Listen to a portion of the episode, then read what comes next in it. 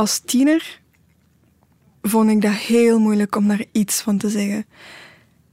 Ik weet nog, ik was in een bar en ik was toen minderjarig, ik was 17. Ik mocht daar eigenlijk niet binnen. Dus de, de uitbater, denk ik dat dat was, komt vragen hoe oud ik ben. En ik zei dat ik 18 ben. En dan begon hij mij heel vies aan te raken. Mij vastpakken aan mijn heup en tegen hem duwen. Mijn benen aanraken, gewoon echt heel vies. En dan zei hij, zeker dat je 18 bent? En ik zei, ja, ik ben zeker dat ik 18 ben, maar ik durfde daar gewoon niks van te zeggen. Omdat ik dacht dat ik mij gewoon moest laten doen, want ja... Ik wist niet wat dat betekende.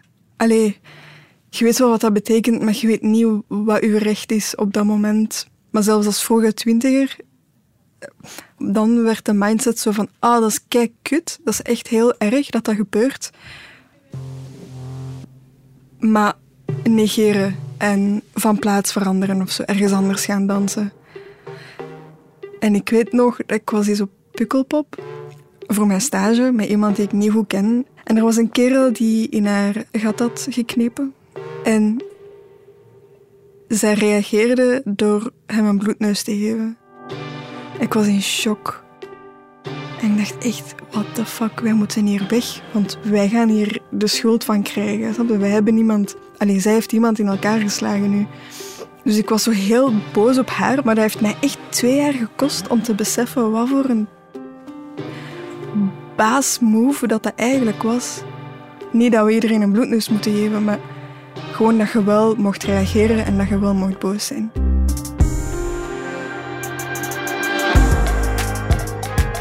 Waar lig jij wakker van? Wat houdt je s'nachts wakker? Die vraag.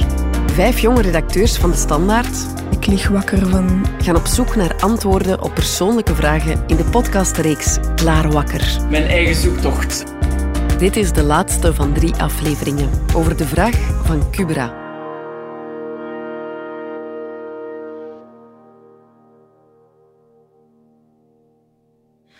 Ben eigenlijk echt een fangirl ook. Misschien moet ik daar even vooruit komen dat ik echt een super fan ben van al uw onderzoeken. Oké, tof, Dus dank ik ben ook wel zo, yes. wow, fangirl. Lotte de. Schrijver is hier. Inderdaad, Lotte de Schrijver is hier. Voor deze laatste aflevering nodigde ik haar uit in onze studio. Waarom ik haar wilde spreken, dat vertel ik ze biedt. Eerst stelt ze zichzelf even voor. Ik ben Lotte de Schrijver. Ik ben postdoc-onderzoeker bij het International Center for Reproductive Health. En daar maak ik deel uit van het Gender and Violence Team, waar ik onderzoek doe naar seksueel geweld bij minderheidsgroepen, zoals eh, verzoekers om internationale bescherming en LGBT-personen. En daarnaast werk ik ook nog als klinisch psycholoog en seksuoloog. Voilà. Je kan misschien al raden welke richting deze aflevering uitgaat. Namelijk, tot nu toe hebben we in deze podcast vooral gefocust op de verantwoordelijkheid van clubs, cafés, organisaties en evenementen. Maar natuurlijk zijn wij het wel die op de dansvloer staan. Dus onze eigen verantwoordelijkheid mogen we ook niet negeren. En ik vind het belangrijk om ook dat aspect te belichten. Want wat doe je als je iets grensoverschrijdend ziet gebeuren? Hoe reageer je als je zelf het slachtoffer Hoe zeg je nee? Of hoe vraag je een ja? Mogen we nog flirten en hoe moet dat dan? Maar ook, wat is de impact van al die dingen die we tijdens het uitgaan meemaken? Heel vaak hebben wij het idee dat seksueel grensoverschrijdend gedrag of seksueel geweld, dat dat gebeurt in een context met veel geweld. Het stereotype beeld waaraan dat we denken is eh, een jonge student die in de bosjes getrokken wordt en gewelddadig verkracht wordt. Maar als het gaat over dingen die eigenlijk heel regelmatig gebe- gebeuren en die bijna beschouwd worden als het is normaal, het hoort erbij, Ook als die zo passeren langs u en ze raken je zo overal aan, dan dacht ik, ah, maar die moeten gewoon passeren en je staat daar niet bij stil dat dat helemaal niet nodig is. dan voelen heel wat mensen zo ook een beetje schroom om te zeggen ik vond het eigenlijk niet fijn dat dat gebeurd is. Of ik heb het gevoel dat iemand over mijn grenzen gegaan is. En ik heb zo het gevoel, als ik dan zo'n jaar of 15 was, dat ik dat ook zo niet echt door had. En wat dat we eigenlijk standaard aan doen, is dat mensen eigenlijk dat gaan normaliseren of gaan minimaliseren om daarmee om te kunnen. Ik heb eigenlijk niet zo'n erge verhalen, alleen maar dat ik al ben aangeraakt. Want stel je voor dat je naar een feestje gaat en elke keer dat iemand je ongewenst aanraakt, dat je daar dagenlang van slag van bent. Hoe groot is de kans dat je dat dan nog gaat doen? Alleen nu bekijk je dat wel zo, in het verleden was het van, ah oké, fuck it. Natuurlijk, het is niet omdat we dat cognitief aanpassen, dat we daar eigenlijk op lange termijn geen last van kunnen hebben. En dat is iets wat we in het onderzoek ook heel veel gezien hebben, is dat mensen vaak, als ze niet echt heel overduidelijke fysieke klachten hebben, direct na seksueel grensoverschrijdend gedrag of seksueel geweld, dat ze vaak pas symptomen gaan beginnen vertonen na maanden of jaren. Heel vaak mensen die zeggen, het heeft, het heeft tot tien jaar geduurd tegen dat ik ben beginnen beseffen, hé, hey, maar wat daar toen is gebeurd, Een jongen heeft me aangeraakt, dat is niet normaal. van achter eh, geplaakt en zo en dinges. Pasma is een vriendin die ik ken van op café. Op Brussel Brost was er een kerel die achter haar stond en haar de hele tijd lastig viel.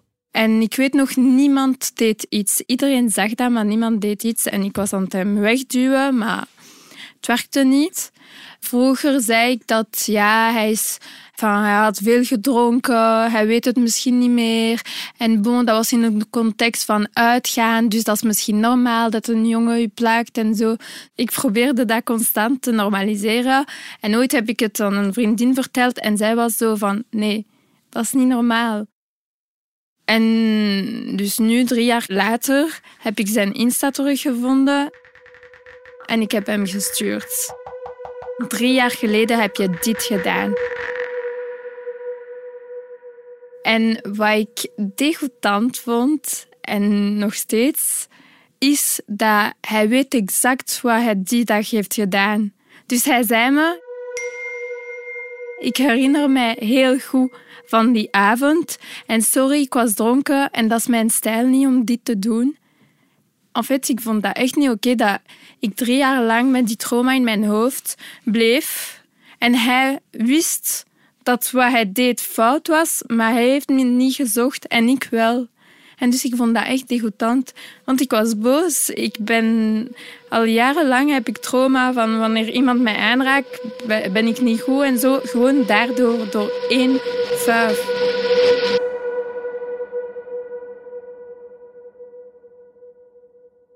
De dingen die we meemaken en allemaal collectief normaliseren en minimaliseren laten wel degelijk hun littekens na. Dat zegt ook Lotte.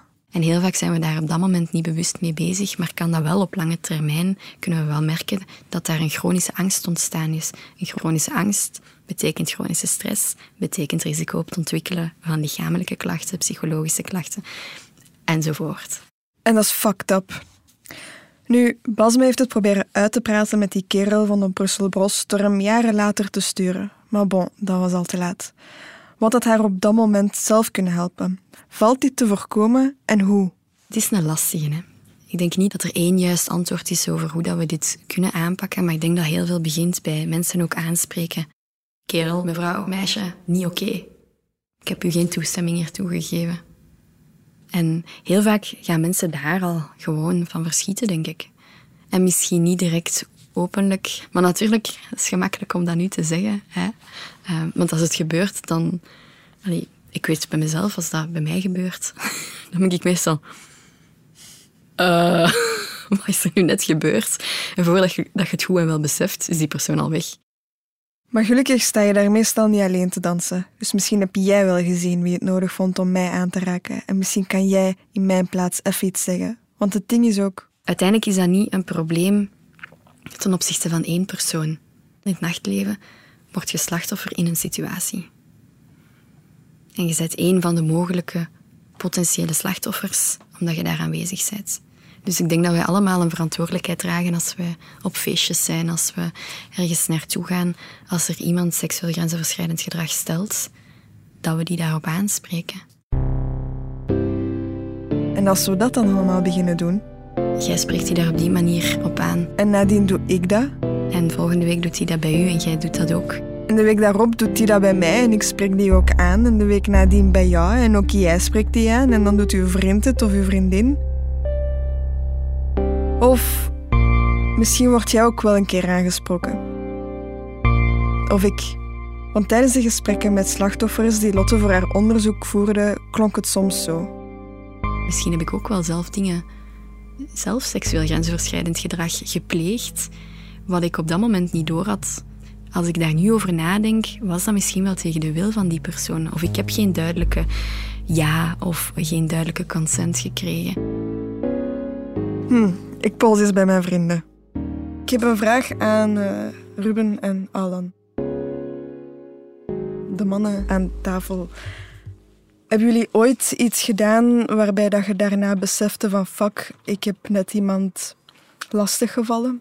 Of werd je ooit aangesproken op zulk gedrag? Ik kan niet direct uh, een situatie of zo mij inbeelden waar dat ik zelf de oorzaak ben geweest van iemand die zich onveilig zou gevoeld hebben. Dat, dat kan misschien zo zijn, maar dan ben ik er ook niet op aangesproken geweest. Was zo.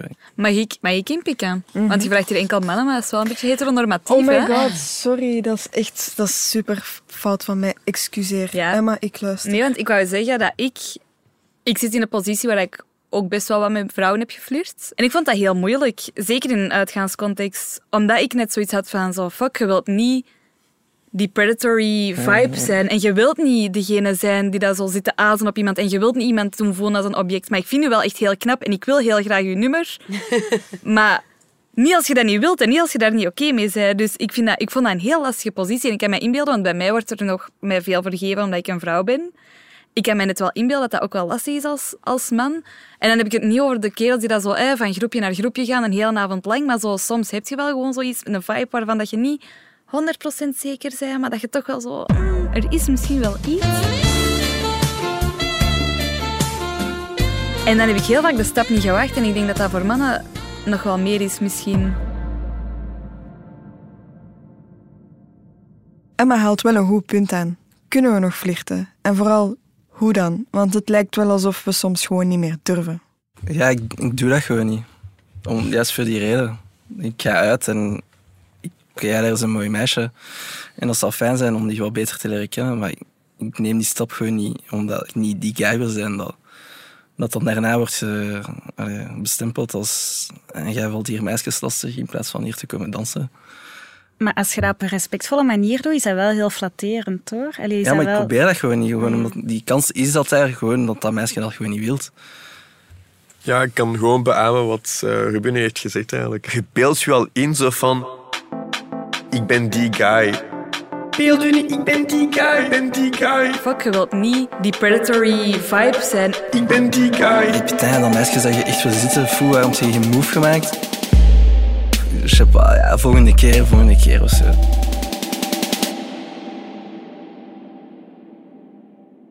Fuck, het is wel echt moeilijk geworden, want wat is nu de juiste manier? Maar in flirten en seksualiteit zit nu eenmaal ook zo elkaars grenzen een beetje gaan uitdagen. Dat is helemaal oké om dat te blijven doen. Het zou jammer zijn mochten we, mochten we niet meer durven flirten. Hè?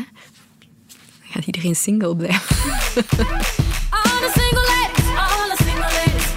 En als we niet allemaal single willen blijven, moeten we gewoon opnieuw leren hoe we moeten flirten. Want zo moeilijk kan dat toch niet zijn we zijn hier nu ook zo gemengde signaal van zo doe het niet en val ons niet lastig, maar het is ook wel flatterend. Maar ik denk gewoon van ja, als mhm. je twijfelt, doe het dan niet. Het is minder erg om misschien één connectie niet te hebben dan dat een vrouw zich lastig gevallen voelt. Allee, dat is mijn waardeoordeel, maar...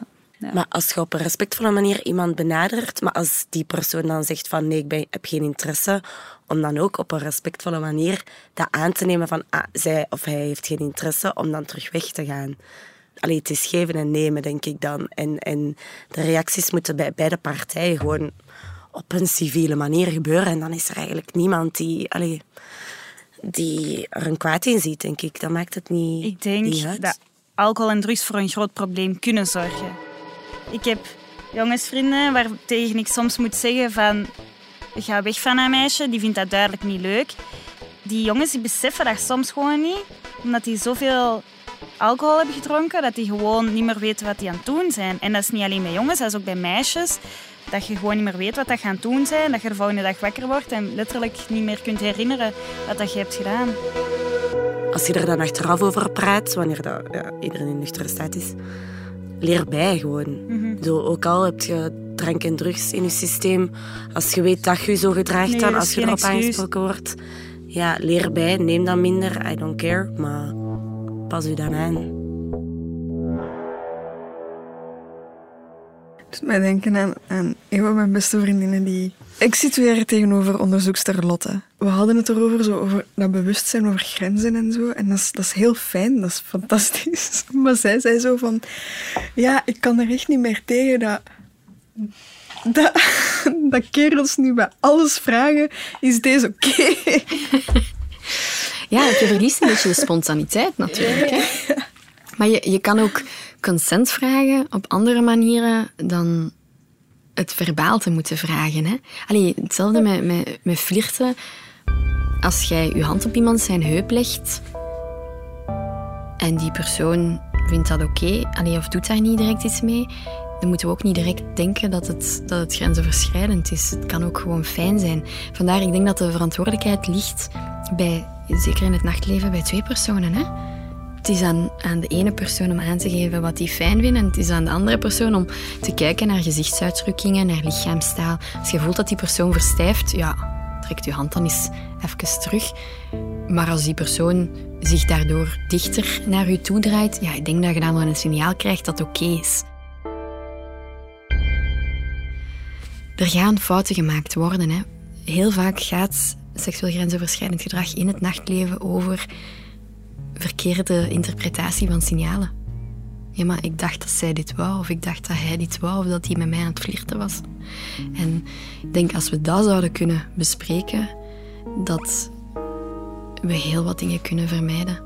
Of kunnen vermijden misschien dat het negatieve gevolgen op lange termijn heeft. Stel dat wij hier op een feestje zijn en jij stelt een bepaald gedrag naar mij toe dat ik niet fijn vind. En ik kan dat tegen u zeggen en jij kunt op, op dat moment aangeven van... Oké, sorry, ik had, het, ik had compleet uw, uw signalen verkeerd gelezen. Sorry, dan heeft dat direct een heel andere betekenis voor mij dan wanneer ik dat niet kan zeggen en ik niet die feedback van u krijg. Dus daarom moeten we bepaalde dingen opnieuw leren. Of gewoon voor de eerste keer leren, zoals leren praten over je eigen grenzen en leren luisteren naar die van een ander. En onszelf leren inleven in elkaars situatie, maar ook vooral misschien leren ontdekken waar onze eigen grenzen liggen. Nu hebben we het heel vaak over het stellen van seksuele grenzen, maar eigenlijk gaat het over alle soorten grenzen. En wij leren dat heel weinig. Hetzelfde met als uw baas opeens vraagt om overuren te doen of u werk geeft dat eigenlijk niet binnen uw functiebeschrijving valt. Ik vind het heel moeilijk om dat aan te kaarten en dat bespreekbaar te maken. Eigenlijk gaat het over hetzelfde. En dat zouden we eigenlijk van kinds af aan moeten leren, waardoor dat, dat dan in seksuele contexten ook veel makkelijker wordt. Dat dat ook een gesprek kan worden tussen twee personen of tussen zeven personen. Ik vind dat zelf ook heel moeilijk. Hè. Ik heb er al zoveel over gelezen en over gestudeerd. Omdat dat voelt ook heel kwetsbaar. Hè.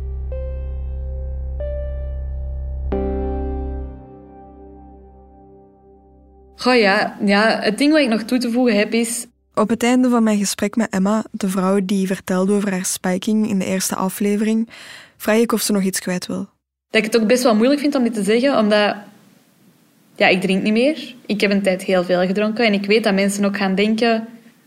Wat zit je nu te zeggen dat er iets in je drank is gedaan? Is dat niet gewoon een gemakkelijke manier om onder je verantwoordelijkheid uit te komen en heb je niet gewoon te veel gedronken? En ik denk dat dat een gedachtegang dat er is die nog wel bij veel mensen zit. En ik denk, mocht ik het niet zelf hebben meegemaakt, dat ik ook zo zou denken. Maar ik denk wel dat, dat zo'n logica het heel moeilijk maakt voor mensen om dat te delen. Uh, omdat ik zelf ook wel gewoon ja, mijzelf daar keihard op heb, over heb geschaamd. Want waarom let je niet beter op je drinken en, en uh, al, al die dingen, zo de vaste, de vaste zaken. Uh, maar zelfs al was ik een voorbeeldpersoon dat het altijd bij twee wijntjes hield en wat dan ook, dan nog zouden mensen mij niet geloven, denk ik. Omdat er gewoon, dat, dat zit er gewoon zo ingebakken. Victimblaming zit zo ingebakken in ons allemaal. Hoe kunnen wij ermee omgaan als iemand ons komt vertellen dat hij slachtoffer is geweest? Ik vraag Lotte om nog wat concrete tips. Denk in de eerste plaats luisteren en geloven. Een van de dingen die ik het meest gehoord heb in interviews is dat slachtoffers zwijgen omdat ze bang zijn dat ze niet geloofd gaan worden of niet serieus genomen gaan worden. En dat mensen gaan minimaliseren wat hun overkomen is. Want dat is iets waar dat heel wat slachtoffers ook schrik van hebben, is als ze één keer erover praten, dat het verhaal niet meer van hun is. Dat andere mensen hun verhaal nemen en er iets mee gaan doen. Wanneer je seksueel grensoverschrijdend gedrag meemaakt, dan verliest je controle over je lichaam, over je zijn, over... voelt als een controleverlies. Als je dan je verhaal vertelt en iemand anders gaat jouw verhaal doorvertellen of gaat ermee naar de politie of naar iemand anders naartoe, dan zet je weer de controle kwijt. Dus denk, qua tips dat ik zou meegeven is vooral luisteren, erkenning geven voor wat er gebeurd is, het serieus nemen, vragen waar die persoon op dat moment nood aan heeft en aanbieden wat je aan kan bieden. Ook niet zeggen, hey, ik ga er voor u zijn. Ik ga, als je mij nodig hebt in het midden van de nacht, ga ik telefoon opnemen. Als je dat niet kunt beloven, beloof dat dan ook niet. Hè. Maar doe een realistisch aanbod en kijk samen wat dat die persoon nodig heeft en wat jullie samen kunnen doen. Als ik zo terugkijk, kan ik zeggen dat iedereen wel tijdens het uitgaan iets heeft meegemaakt, waardoor hij zich niet op zijn gemak voelde. Dat is niks nieuws. Maar nu durven we erover te spreken en durven we zeggen dat we daar niet akkoord mee gaan.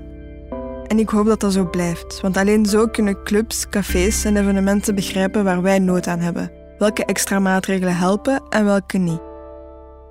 Maar ook om elkaar te helpen mogen we niet stoppen met onze ervaringen te delen. Ik ben mijn vrienden dan ook dankbaar dat ze zo open met elkaar in gesprek zijn kunnen gaan. Want ik stond er zelf bijvoorbeeld totaal niet bij stil dat sommige mensen nog steeds hun grote liefde op de dansvloer kunnen tegenkomen. Maar dat ze nu niet zo goed weten hoe dat ze die persoon kunnen benaderen.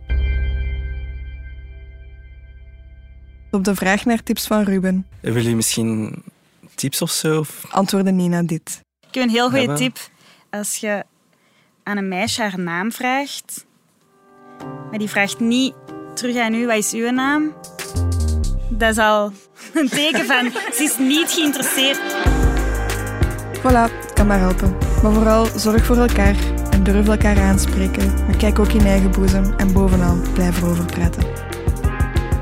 En ook nog even dit. Deze podcast was niet mogelijk geweest zonder de openheid van mijn vrienden, de expertise van Lotte de Schrijver, Walter Wijns, Eva van Blond, Gerard van Charlatan en ook Fien en Brecht die deze podcast hebben geregisseerd en gemonteerd. Dit was de laatste aflevering over de vraag van Kubra. Een podcast in drie afleveringen gemaakt door Kubra Maida en Fien Dille. Brecht Plasgaard mixte, schreef de muziek en herwerkte Debussy's La Cathédrale Engloutie. Beluister ook de andere podcasts van Klaar Wakker. Volg Klaar Wakker in de podcast-app van de Standaard of je favoriete podcastplatform. Wist je dat de Standaard dagelijks een nieuwspodcast maakt, DS Vandaag, waarin telkens één actueel onderwerp wordt uitgediept?